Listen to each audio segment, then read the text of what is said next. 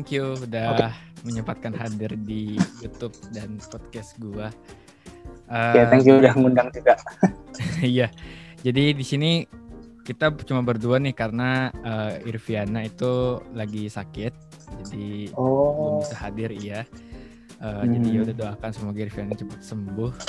Iya, semoga cepat. Kapan-kapan kita bisa yeah. bareng lagi sama dia lah kayak gitu. Siap, siap. Nah, uh, jadi oke, okay, jadi langsung aja. Jadi YouTube ini collab ini sebenarnya uh, perpanjangan dari YouTube gua yang ngomongin tentang cara belajar fisika. Waktu itu gue udah bikin hmm. cara belajar fisika versi gue sendiri. Nah, tapi di video itu gue bilang bahwa uh, bisa jadi cara belajar gue, cara belajar lu, cara belajar temen gue, cara belajar temen hmm. lu itu beda gitu, nggak ada beda, betul. Uh, uh, dan akhirnya uh, gue juga bilang ya ini cara belajar gue kayak gini kalau misalnya sama uh, kalau diterapin dia lu itu nggak nggak applicable gitu nggak bisa diterapin ya wajar gitu. Nah terus gue juga uh, bilang di YouTube di YouTube itu gue bilang uh, nanti gue bakal bicara langsung sama temen gue bakal ngobrol langsung sama temen gue yang emang kuliahnya fisika gitu. Jadi empat tahun. hmm, aku aku udah lihat tuh videonya. Ya nah oke. Okay. nice banget. Good, good. Tapi tapi belum belum kelar sih cuma nggak apa-apa apa uh, jadi iya jadi kayaknya lebih afdol kalau gue juga ngajak ngobrol orang yang orang yang empat tahun fisika gitu. Kalau hmm. kan teknik fisika mungkin ya nggak berkecimpung banget sama teori-teori fisika. Nah tapi kalau misalnya Aan ini jadi Aan ini asal lo tau ini temen gua fisika UGM juga MIPA angkatan 2015 juga. Uh, ya pertama kali kita kenal tuh pas kayak PKM ya? Ya benar PKM di ya, satu pas PKM jadi CEO gua nih. Iya, jadi uh, eh, gue kenal Aan ini dari PKM kayak gitu. Jadi mm. ya udah udah lama lah, udah akrab. Nah, uh, eh, gue bikin uh, YouTube ini tar belakangnya juga sama kayak YouTube kemarin itu adalah hmm. banyak yang nanya ke gue atau banyak atau mungkin banyak orang yang kuliahnya fisika tapi mereka tuh kayak hmm. nggak hmm. tahu cara belajar fisika jadi kan ironi hmm. jadi kasihan juga hmm. gitu dia udah masuk uh, fisika tapi nggak tahu cara belajar fisika bener gimana nah kan takutnya ya, bisa survive kayak gitu kan Nah, oke, okay, jadi uh, latar belakangnya gue biar uh, semua penonton gue yang nonton ini bisa dapat insight uh, baru cara belajar fisika yang benar dari uh, anak fisikanya langsung dan uh, dan uh, sebagai catatan lagi ini adalah uh, kita hanya berbagi cara belajar gitu. Jadi ini bukan cara mutlak atau bukan uh, suatu cara yang pasti untuk uh, suatu cara yang benar secara mutlak untuk uh, belajar fisika gitu. Ini hmm. kita hanya berbagi cara belajar fisika aja. Oke, okay, An. Pertama-tama mungkin uh, pengenal pengenalan diri dulu. Mungkin lu sekarang uh, kerja di mana uh, dan hmm. apa dan sebagainya. Dan oke, okay, silakan. Oke. Okay. okay, perkenalkan aku Aan, temannya Bima. Jadi benar yang dibilang Bima, aku dari fisika UGM seangkatan juga gitu. Terus tapi kalau dibilang anak fisika yang benar juga sebenarnya nggak juga karena karena kayak yang dibilang Bima orang yang masuk fisika itu juga mas apa ya bisa dibilang orang-orang yang tersesat karena bingung nggak tahu cara belajarnya tapi emang tapi akhirnya orang-orang punya cara masing-masing gitu dan iya. iya. kalau cara aku juga nggak nggak mutlak benar kayak dibilang Bima dan hmm. aku juga bukanlah ahli yang kayak gitu sih maksudnya masih mahasiswa pas-pasan juga di sini dan sekarang aku kerja di Jogja jadi software engineer. Lintas Waduh. banget yang malah dari fisika ini menarik nih. Orang fisika ya. bisa jadi software engineer gila gokil. Ya karena kebetulan kebetulan aku ambil uh, konsentrasinya di fisika itu komputasi. Jadi oh. memang dari backgroundnya udah sering ngoding juga di kuliah makanya oke okay lah lintas ke situ masih masih fine untuk dilakukan. Gitu dan kebetulan emang dari kecil sih suka sama hal-hal berbau komputer kan bahkan SMA pun aku juga ikut timnya Olimpiade komputer kayak gitu. Wih, Jadi masih keren. masih bisa di inline juga gitu sih. Oke. Okay. ya, aku programmer di Jogja gitu. Oke okay, nice uh, ya SMA-nya berarti apa? Ikut ikut Olimpiade komputer Iya, cuma ya cuma jadi delegasi sekolah aja sih, nggak lolos Ya, yang kota. sih. Dulu Iya, iya. eh, sa- mending dulu eh, dulu gue juga apa i- pernah daftar untuk ikut eh, olimpiade Ah. komputer tapi pas tes aja gue udah kalah, udah gagal gitu. Jadi nggak sampai delegasi sekolah coba. Eh, Oke. Eh, Oke, mari kita masuk ke eh, inti dari YouTube kita. Sekarang pertama adalah eh BTW tadi apa? Oh, software engineer ya, gue lupa. Oke, eh, pertama adalah kenapa hmm, alasan. Aan milih eh, jurusan fisika gitu. Kalau ditanya alasan sih, ini cukup panjang ya ceritanya karena dulu waktu SMA pun karena emang apa ya? Biasalah anak SMA itu galau kan mau milih jurusan apa dan banyak sekali pilihan-pilihan yang akhirnya dieksplor gitu kan. Nah, sebenarnya salah satu kenapa ke- dulu aku juga gabung ke eh, Olimpiade Komputer karena kebetulan bapakku adalah pembimbing juga, tapi beda bukan di sekolahku. Jadi dia pembimbing Olimpiade Komputer di sekolah lain terus bilang "Kak, eh, apa ngajakin? Coba deh ikut yang ini. Ya udah aku coba ikut gitu kan. Terus emang seru sih. Nah itu pun saat kuliah aku juga kepikiran apakah aku ikut ilkom aja ya atau teknik informatika something like that gitu kan. Terus ternyata high competitive sekali kan dengan orang yang punya ranking pas-pasan lah di sekolahan waktu itu jadi kayak udahlah kayaknya nggak berani buat ngambil ini aku coba cari yang lain Hmm. sampai akhirnya eh, suatu titik aku kepengen masuk ke astronomi yang mana astronomi itu cuma ada di ITB kan di Bandung Hmm. Nah, aku sekolah di Jogja, dari SMP juga di Jogja. Dari eh, dulunya dari Klaten, dari Klaten kita pindah ke Jogja itu tujuannya supaya untuk bisa sekolah di Jogja dan lanjut ke UGM. Orang tua aku pengennya gitu.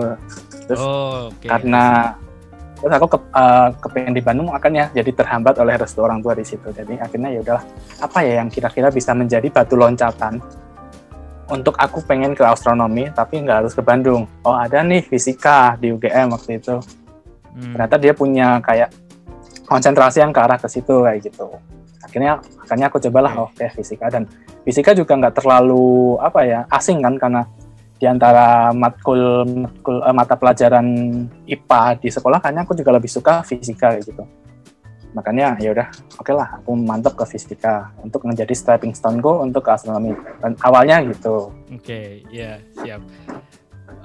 Oke, eh, terus kan kalau kita kalau gue dengar nih eh, emang minat pertama tuh pertama ke komputer, ya kan? Hmm, Terus ke betul. astronomi, terus ke fisika. Nah, setelah eh, Ah. diterima di jurusan fisika UGM, pasti kan karena ini tuh ke kalau gue pikir ya, karena kalau kita minat kita di awal awal itu komputer, terus eh, akhirnya eh, kita nyari planning, nyari alternatif lain ketemunya fisika, pas masuk di jurusan fisika itu Mhm. dengan dibandingkan dengan keinginan kita untuk eh sebagai untuk masuk ke dunia komputer itu gimana? Jadi kayak awal-awal masuk jurusan fisika UGM itu rasanya gimana ketika emang ini nih ini nih alternatif ini ini bukan bukan suatu eh, bukan sesuatu tujuan yang yang yang pertama kita tuju tapi ini alternatif tujuan yang kita tuju gitu.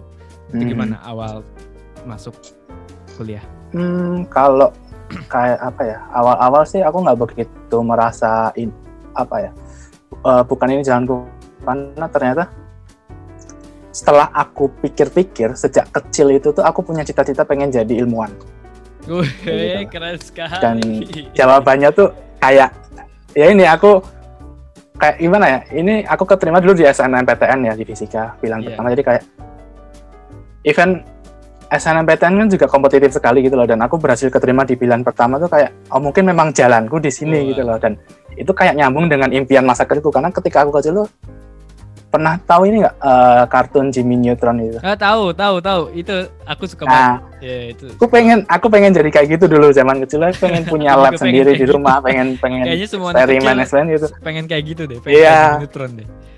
Heeh. betul betul terus ya itu terus itu aku keterima di fisika dan aku rollback kembali ke memori masa lalu oh iya mungkin memang inilah jalan yang diberikan Allah padaku untuk menuju ke impian masa kecilku kayak gitu loh dan Hmm. dan aku pertimbangan ulang kalau apa ya kenapa eh, nggak begitu nyesel nggak milih komputer karena setelah dipikir-pikir antara komputer sama fisika itu bagiku itu lebih mudah untuk autodidak belajar komputer daripada autodidak belajar fisika. Oh, betul. Jadi nggak rugi juga aku masuk ke fisika. Setuju. Betul betul banget. Karena betul banget. Iya, karena karena ngoding atau karena teori-teori yang di komputer itu kita banyak tersebar di mana-mana dan belajar sendiri itu masih memungkinkan. Tapi kalau fisika kayak kita nggak bisa kalau kalau nggak ada tentornya dan to be honest, fisika yang kita pelajari di SMA di SMP itu tuh cara belajar yang salah. Ini ini nanti akan ke arah situ juga aku jelasin kenapa. Nah, Tapi itu adalah cara belajar yang salah di SMP dan SMA itu makanya kita nggak bisa belajar sendiri fisika dengan memodalkan SMP dan SMA aja. Gitu. oke, siap, nice. Berarti berarti a- a- awal pertama kali kuliah nggak merasa berat dong? Hmm, enggak sih malah apa ya ekspektasinya tuh sangat idealis kayak wah aku pengen jadi penerima Nobel semacam itulah. itu sebelum sebelum aku ketemu kalkulus dan sebangsanya sih jadi kayak masih oke lah masih fisika dasar gitu Oke, siap siap.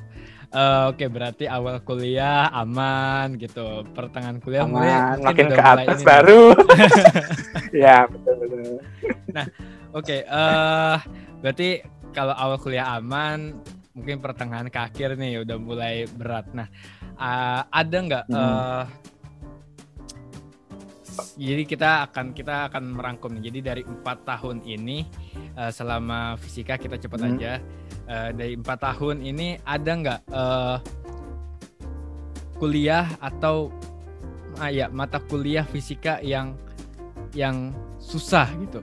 Yang susah bagi Aan, tapi Aan Hmm. masih bisa untuk survive eh, belajar itu dan akhirnya lulus dengan ya nilai kalau misalnya nilainya bagus, oh mantap. Tapi kalau nilainya bisa apa nggak bagus nggak jelek, itu juga udah udah bagus sebenarnya. Gitu. Jadi Ah. survive gitu. Ada nggak? ada sih bahkan Bagaimana? lucunya lagi jadi aku dari semua cabang ilmu fisika yang ada tuh memang paling susah tuh belajar kuantum Ah setuju. Fisika modern tuh susah Jadi- pokoknya. Fix. Iya, fisika modern yang kuantum khususnya yang kita mau yang ngurusin persamaan Schrödinger, kemudian banyak. Karena karena gini, kalau aku sendiri di fisika itu mindsetnya kan aku lebih banyak eh, memahami fenomena akhirnya. Dan fenomena yang lebih mudah dipahami itu fenomena yang kelihatan oleh mata kan kayak kalau mekanika klasik kita bisa tahu nih ada benda jatuh, ada benda bergerak. Pokoknya bendanya kelihatan di mata gitu loh. Ada ada gesekan, ada apa tarikan dorongan itu kelihatan. Tapi kalau kuantum itu kan dia berbicara masalah mikroskopis ya atom molekul itu kita nggak bisa lihat. Dan dan apa yang ada di dunia kita itu nggak bisa di serta merta kita modelin ke situ gitu loh. Kayak bisa bayangin nggak sih atom itu tuh bisa menembus dinding event bola aja nggak bisa gitu loh. Tapi atom tuh bisa gitu loh.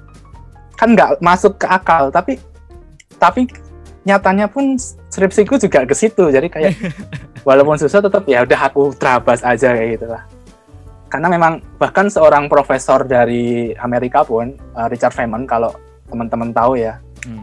udah pernah ngomong gini kok nggak ada orang yang paham mekanika kuantum. Seorang sekali berprofesor aja udah mengklaim demikian dan dia juga pernah bilang bahwa kalau ada orang yang mengklaim dirinya bisa fisika kuantum itu antara dua dia bohong atau dia gila. Jadi emang emang sesusah itu. Bahkan seorang profesor aja mengakuinya gitu loh. Jadi ya wajar kalau kita yang anak S1 mungkin ya merasa ini apaan sih? Ya udahlah ya terima-terima aja gitu. Jadi memang yang dari semua cabang ilmu yang paling sulit menurutku memang fisika eh fisika kuantum itu sih yang kayak gila ini ini. Sorry ada noise. Oke nggak apa-apa. kedengeran nggak itu suara motor? Kedengeran tapi nggak apa-apa nggak Ya. terganggu nggak nggak mengganggu kok. Oke ya pokoknya yang paling susah adalah fisika kuantum itu sih oke. Terus kita sekarang ke lawannya. Kalau ada apa yang susah, ada nggak yang Ah. paling seru, yang paling kamu sukain dari fisika secara umum? ah entah kenapa juga kalau yang paling seru itu sebenarnya ada dua Hmm.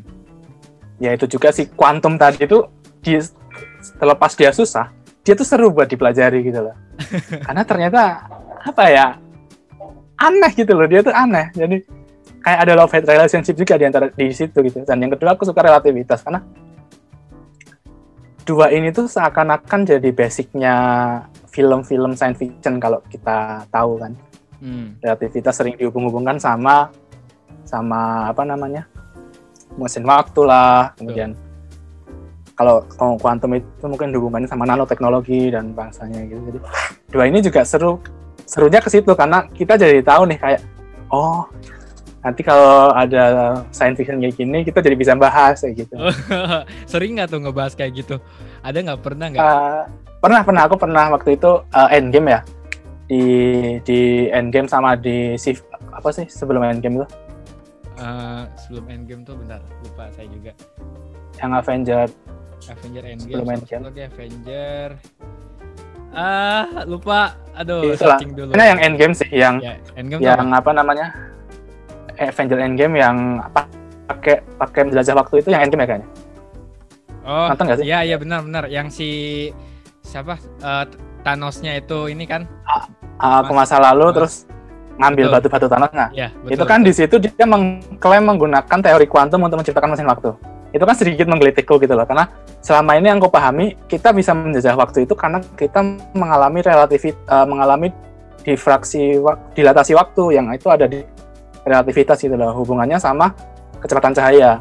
Bah tapi kuantum sendiri sebenarnya belum bisa untuk disatukan dengan kecepatan cahaya gitu loh. Bahkan kalau oh ini mungkin agak advance ya bahasanya coba aku, iya. aku permudah. Jadi di dunia fisika itu peneliti itu pengen eh. fisika itu pengen menyatukan antara dua fenomenanya ketika disatukan. Makanya ketika ada kuantum dipakai buat real, uh, time traveling itu agak menggelitik. Ya, aku bahas akhirnya di Instagramku pernah waktu itu bulan puasa sambil ngabuburit aku bikin storynya. tapi belum selesai sih. Itu maghrib aku potong tapi lupa tak lanjutin. Jadi sempat sedikit aku bahas. Itu pengantar sedikit mengalam, mengenai mekanika kuantumnya gitu. Oh, gokil, gokil. Itu bisa kamu masukin ke podcastmu gitu tuh.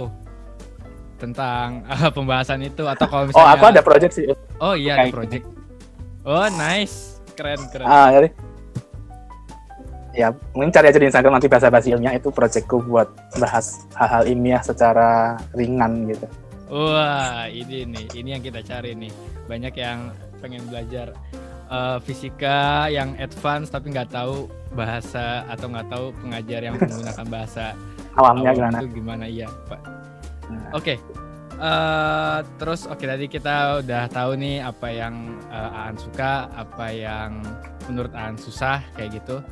Nah, sekarang mari kita hmm. masuk ke bagaimana, how, bagaimana Aan survive, Aan belajar fisika selama ini hmm. uh, di kuliah atau maupun di luar kuliah kayak gitu.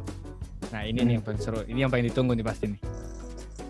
Kalau aku sih basically adalah orang yang suka berimajinasi ya. Jadi ketika kita lagi membahas suatu teori di fisika itu, aku selalu membayangkan fenomena secara realnya. Kalau aku modelnya gitu. Hmm. Cuma kelemahannya ketika ini aku terapkan di kuliah, kuliahku itu sangat matematik sekali. Jadi lebih banyak memodelkan tuh ke dalam bentuk matematis. Jadi okay. akhirnya aku membagikan ini kayak apa ya? Aku membagi ketika kita pengen nyari nilai sama nyari paham itu dua hal yang berbeda kalau di kuliahku bagiku gitu loh. Karena caraku memahami itu nggak seperti cara dosen mengajar. Dan cara mengerjakan ujian itu bukan caraku memahami gitu loh. Karena emang fisika UGM itu kebanyakan dosen-dosennya matematis banget. Semua itu selalu dimodelkan ke dalam persamaan-persamaan kayak gitu dan aku se sebenarnya agak nggak begitu suka model-model kayak gitu kayak kayak apa ya abstrak banget bagiku aku hmm. lebih suka yang oh sebab akibat sebab akibat sebab akibat kayak gitu gitu modelnya lebih lebih kayak gitu nah makanya mungkin kalau mau belajar fisikanya untuk paham aku modelnya gitu ya kayak aku nggak akan menyentuh matematikanya tapi aku menyentuh sejarahnya dulu kayak ibaratnya mungkin mulai dari teori atom dulu kenapa sih teori atom itu ada kayak gitu. Kemudian dari dari ini dari temuan-temuannya dulu belum menyentuh matematisnya. Jadi kayak hmm. oh karena ada fenomena ini dan ini akhirnya terjadilah ini. Kayak kenapa sih sampai ada teori kuantum itu? Karena ternyata ada fenomena bahwa cahaya itu bisa me, apa namanya menumbuk sebuah partikel gitu loh kayak efek fotolistrik yang ditemukan yeah. oleh Einstein itu kan yang selama ini kita tahu cahaya itu adalah gelombang, kok ternyata dia bisa menumbuk sebuah partikel yang mana tumbukan itu kan terjadi antara partikel dengan partikel. Nah, itulah dari situ akhirnya oh ternyata ada dualisme dari si cahaya ini bahwa dia bisa bersifat kadang bersifat jadi gelombang, kadang bersifat jadi partikel. Nah, itu juga ada sebenarnya modeling matematisnya, tapi aku singkirin dulu, aku pahami dulu dari sisi fenomenanya dulu. Biasanya aku gitu. Nah, tapi kalau untuk mencari nilainya ya mau nggak mau kita harus uh, struggle dengan angka, uh, bukan angka sih, rumus-rumus persamaannya itu sih itu yang mungkin perlu jadi catatan untuk teman-teman yang kuliah dan mungkin kalau nanti yang nonton ada anak fisika UGM, ya kalau pengen nyari paham dan nyari nilai itu dua hal yang bagiku sedikit berbeda gitu sih. Oke. Okay. Uh, eh, kalau aku gitu. Uh, uh, menarik nih. Aku punya uh, gini. Uh, berarti berarti kalau menurut Anik dalam mempelajari suatu konsep fisika itu kita pertama hmm. uh, coba mengerti uh, fenomena fisikanya dulu. Oke. Okay? setelah Betul. kita paham fenomena fisikanya, nah pertanyaan adalah setelah kita paham uh, fenomena fisikanya, apakah itu serta merta kita akan memahami maksud dari rumus yang ada. Jadi kan mungkin rumus ditulis gini tuh sebenarnya rumusnya hmm. adalah merepresentasikan fenomena yang tadi kita pelajari gitu. Nah, menurut Andi iya. harusnya ya secara alamiah kita akan jadi tahu bahwa oh persamaan ini berbicara mengenai ini kayak gitu yang menjadi kenapa aku tadi bilang belajar fisika di SMA dan SMP itu salah karena kita berangkat dari rumusnya kayak oh. rumus GLBB itu adalah V sama dengan eh aku lupa aku nggak aku nggak pinter ngapa rumusnya sama aku juga pokoknya ada V ada T ada ada S kan kayak gitu hmm. jadi ada V kali T V kali T terus ada kuadrat S atau apa gitu kan yang ada hmm. banyak rumus yang jelimet banget. Nah, itu kan sebenarnya berangkat dari hukum Newton pertama yang F sama dengan M kali A. Jadi ada ada gaya, ada gaya, ada massa dan ada percepatan gitu loh. Bahwa bahwa setiap setiap benda bermassa yang dikenai kenai sebuah gaya itu akan mengalami percepatan. Jadi kan dia kalau di, digeser ya jadinya F per M sama dengan A. Jadi kecepatan percepatan itu dihasilkan dari massa yang dikenai oleh gaya gitu. Hmm. Gitu. Jadi makanya dari situ berangkatlah dari A pun kita turunkan jadi nah ini kalkulusnya mulai masuk nih A itu adalah turunan dari kecepatan dv per dt kan uh, yeah. maka dari itu sedemikian rupa di diubah dan di idealisasikan juga karena ada beberapa kondisi yang nggak ideal diidealkan akhirnya ketemulah rumus GLB GLBB kayak gitu gitu di SMA kita cuma belajar rumus jadinya tanpa tahu Iya benar. Kenapa kok rumusnya kayak gini? Kayak gitu. Iya, itu yang bikin kadang anak SMA juga males belajar fisika karena rumus yang seabrek kayak gitu loh. Itu kayaknya ya kalau aku mikir ya tentang kenapa di SMA tuh kenapa di uh, selalu dikasih rumus karena kalau tak pikir-pikir uh, kurikulum di SMA kayaknya lebih padat daripada kurikulum di fisika apalagi kalau udah jurusan fisika. Tuh. Nah, itu yang jadi masalah di kita. Betul sebenernya. banget, betul banget. Karena ya, dipadetin ya, guru kalau, itu kalau jadi nggak punya waktu untuk ngejelasin konsepnya atau untuk waktu ngejelasin fenomenanya. Aduh sayang betul, sekali betul. padahal ya. Nah, uh, tapi fun fact ya, kalau gimana? Oke oke, lanjut lanjut. Uh, kalau ingat uh, mat, uh, mata pelajaran di SMA kan SMA kelas 1 itu kan kita mekanika biasa ya, kayak GLB, hmm. GLB, B. Terus yang kelas 2 itu kan kayak uh, apa gerak parabolik kayak gitu kan, terus hmm. bandul itu aku pelajarin satu semester sendiri. Namanya mekanika klasik. Gitu loh. Dan itu dipelajarin kita di sekolah empat semester. Itu dan itu satu semester mekanika klasik itu sebelumnya ada fisika dasar satu yang juga bahas yang sama. Jadi kayak lebih dalam lagi gitu loh. Iya lebih banyak apa ya waktu nggak cuma sekadar empat empat semester yang di sekolah tapi bahkan aku makan waktu hampir dua dua semester untuk belajar itu bahkan hampir tiga kayaknya sampai tahun kedua pun masih ketemu itu gitu. Oh, wah. Dan iya. dibarengin sama yang lain. Jadi kayak kalau itu kan belajar fisika toktil dengan banyak materi. Nah ini mekanika itu disanding diparalelkan dengan materi yang lain elektromagnetika kah atau apa. Jadi memang dalam waktu dua semesterku tuh nggak sama dengan dua semesternya anak SMA gitu lah. bener. Karena iya. waktunya yeah. mepet, nggak sempet untuk belajar iya, dengan dalam gitu soalnya iya sih soalnya emang kebutuhan kurikulum SMA harus sampai materi ini gitu.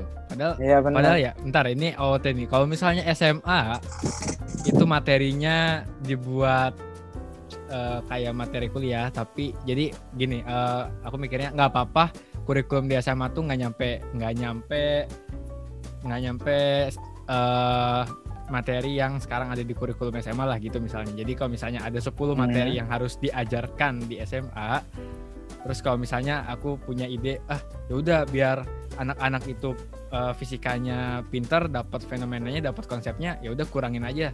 Jadi untuk yang 10 ini jadi empat kurikulum nih. Nah kira-kira kalau kita terapin itu bisa nggak ya diterapin di SMA?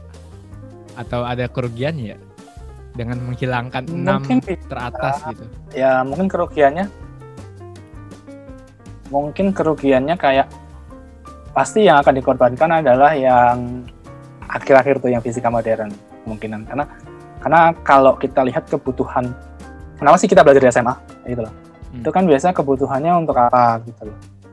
Biasanya kalau memang mungkin SMA itu didesain untuk kuliah bisa. Bisa aja kita apa namanya mewajibkan orang-orang lulusan SMA untuk kuliah materi itu tadi bisa dipendekkan gitu loh Hmm. Masalahnya, apakah semua orang tertarik untuk kuliah dan apakah semua orang tertarik untuk belajar ilmu kayak anak IPA dia akan belajar IPA lagi di kuliahnya gitu loh.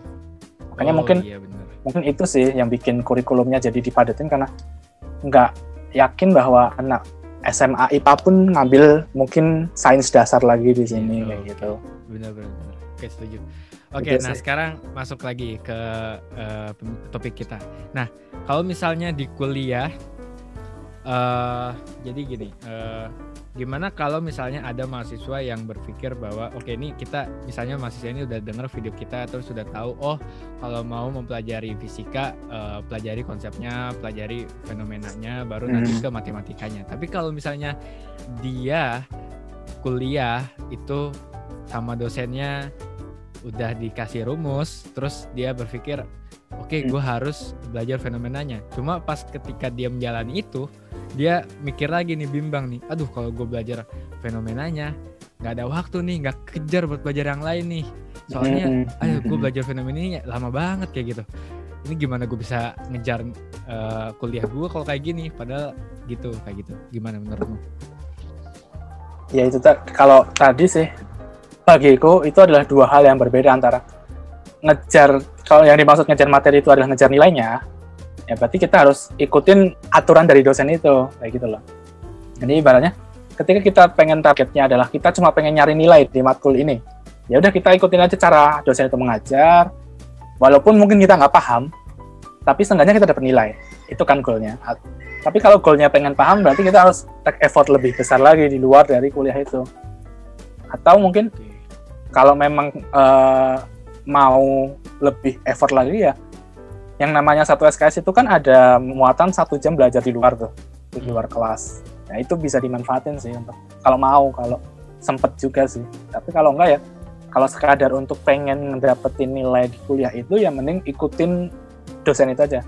Follow the rules-nya aja kayak ibaratnya kita main game terus ada wall truck-nya kan kemudian ada Iya. Instruction ya udah ikutin instruksinya dulu aja nggak usah nggak usah improvisasi dulu gitu.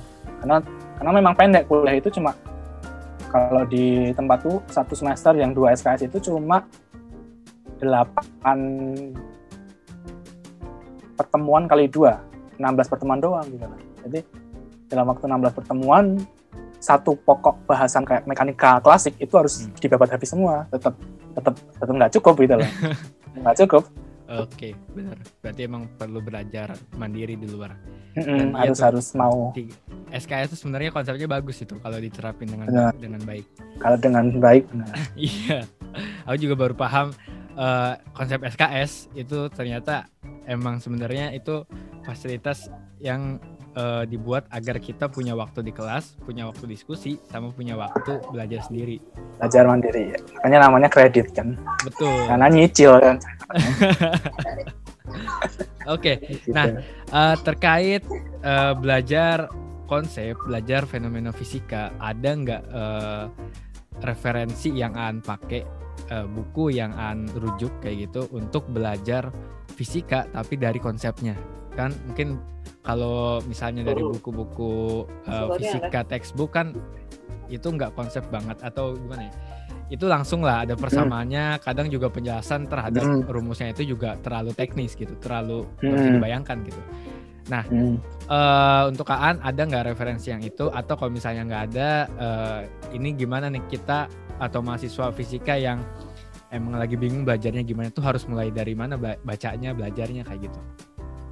Kalau untuk permulaan untuk untuk yang awal-awal fisika dasar itu ada buku karangan tadi Richard Feynman. Karena memang Richard Feynman itu terkenal profesor fisika yang mencoba menjelaskan fisika dengan cara yang lebih santai gitu. Hmm. Di textbook dia yang judulnya uh, apa ya saya nggak lupa. Feynman. Feynman.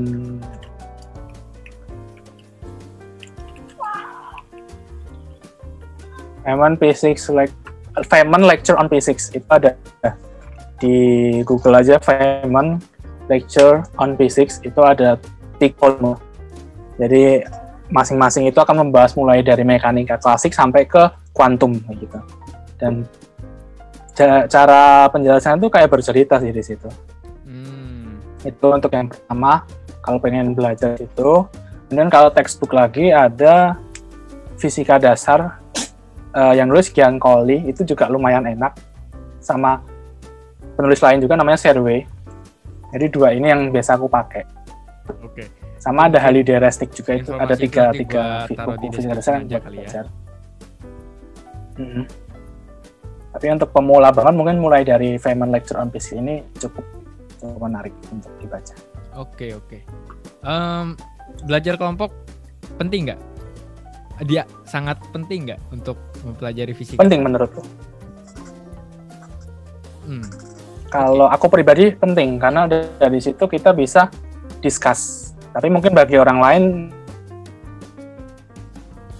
nggak tahu ya kan kalau aku cenderung lebih suka belajar kelompok di situ solve problem bareng solve masalah mungkin kalau ada yang punya pemahaman lain kita bisa akhirnya blind jadi satu gitu di, awal-awal kuliah itu aku masih suka ngadain belajar kelompok setiap mau uas setiap mau tes okay, tapi makin ke belakang makin beda mata kuliahnya jadi kayak makin ya udah belajar sendiri akhirnya gitu.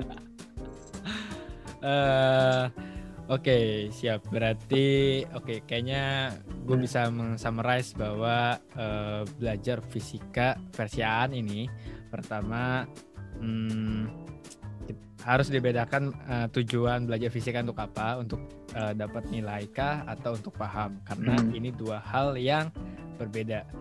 Uh, kalau misalnya paham, eh kalau untuk paham berarti belajar dari konsepnya, coba bayangin fenomenanya, baru nanti ke uh, rumusnya gitu. Jadi jangan sampai hmm. jangan belajar rumusnya dulu.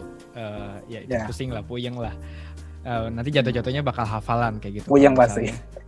Ke rumus kayak gitu. Betul. Kalau untuk nilai ya udah ikutin rules dosennya, ya itu nilai lu bagus. Jadi kembali lagi ke ke pertanyaan paling dasar tujuan belajar fisika kalian tuh untuk apa? Kalau untuk tadi nilai hmm. ya itu beda dengan untuk paham fisika. Oke. Okay? Nah, uh, oke, okay. gue sih kayaknya udah terjawab semua sih pertanyaan-pertanyaan yang kira-kira uh, ada di benak orang yang bingung belajar fisika. Nah, tapi mungkin ada uh, tips yeah. atau trik terakhir atau ada pesan terakhir dari Aan sebagai mahasiswa fisika untuk orang-orang yang pengen belajar fisika, siapa pun, mau hmm. orang mau mahasiswa fisika itu sendiri atau mahasiswa di luar fisika yang emang tertarik dengan fisika, kayak gitu. Hmm pesannya untuk semua orang sih jangan jangan takut untuk belajar fisika dan jangan membenci fisika karena kita hidup di fisika kalau teman-teman menyadari semua kita itu fisika. Kita bernafas ada udara dibahas di termodinamika dibahas di fluida. Kita jalan nggak kepleset itu ada mekanika. Kemudian kenapa langit berwarna biru kenapa kalau sore warnanya jingga itu ada di di optika gitu. Jadi kayak kita hidup di alam fisika jadi jangan sampai kita membenci fisika karena tanpa sadar kita tuh udah menjalankannya setiap hari. Walaupun mungkin nggak pakai rumus-rumus jelimet itu ya tapi memang inilah harus harusnya fisika tuh yang ada di sekitar kita kita amatin makanya jangan jangan takut karena nggak harus belajar rumus pun kita bisa belajar fisika lewat alam sekitar kita kayak gitu jangan jangan langsung kayak dulu ngelihat persamaan yang jelimet pelan-pelan nanti kita bisa bakal tahu oh maksudnya tuh ini ya gitu pasti pasti kita tahu karena kita hidup di alam ini Wah gila, gokil. Keren juga, iya bener juga ya. Setelah dipikir-pikir, iya semuanya di Iya. Fisika loh. Hukum alam, bahkan hukum alam mungkin itu adalah hukum fisika.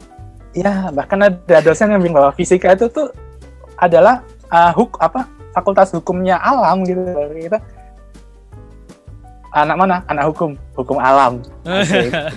Masalahnya fisika gitu. Eh, Iya iya gokil gokil. Nice ini. Eh, istilah baru nih bener juga ya. Ya. Kan juga ada dosen gue yang bilang bahwa fisika itu philosophy of nature, Filosofi. Jadi- oh. filsafatnya alam. Gitu. Hmm, menarik. Gitu. Iya juga ya. Eh, Iya benar-benar. Dengan fisika kita bisa memahami dunia dan Betul. ya maksud atau makna dari dunia ini ya. Iya benar. benar. Nice. Karena Gokil. dipungkiri. Oke, mantap.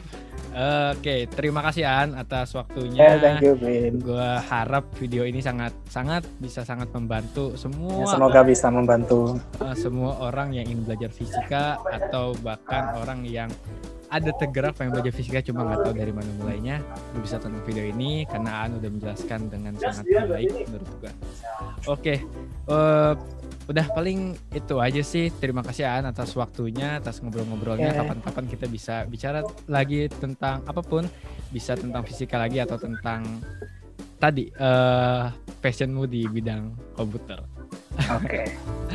Oke, terima kasih banyak Aan. Selamat Siap. sore dan Sore. bye kawan-kawan dadah. Bye.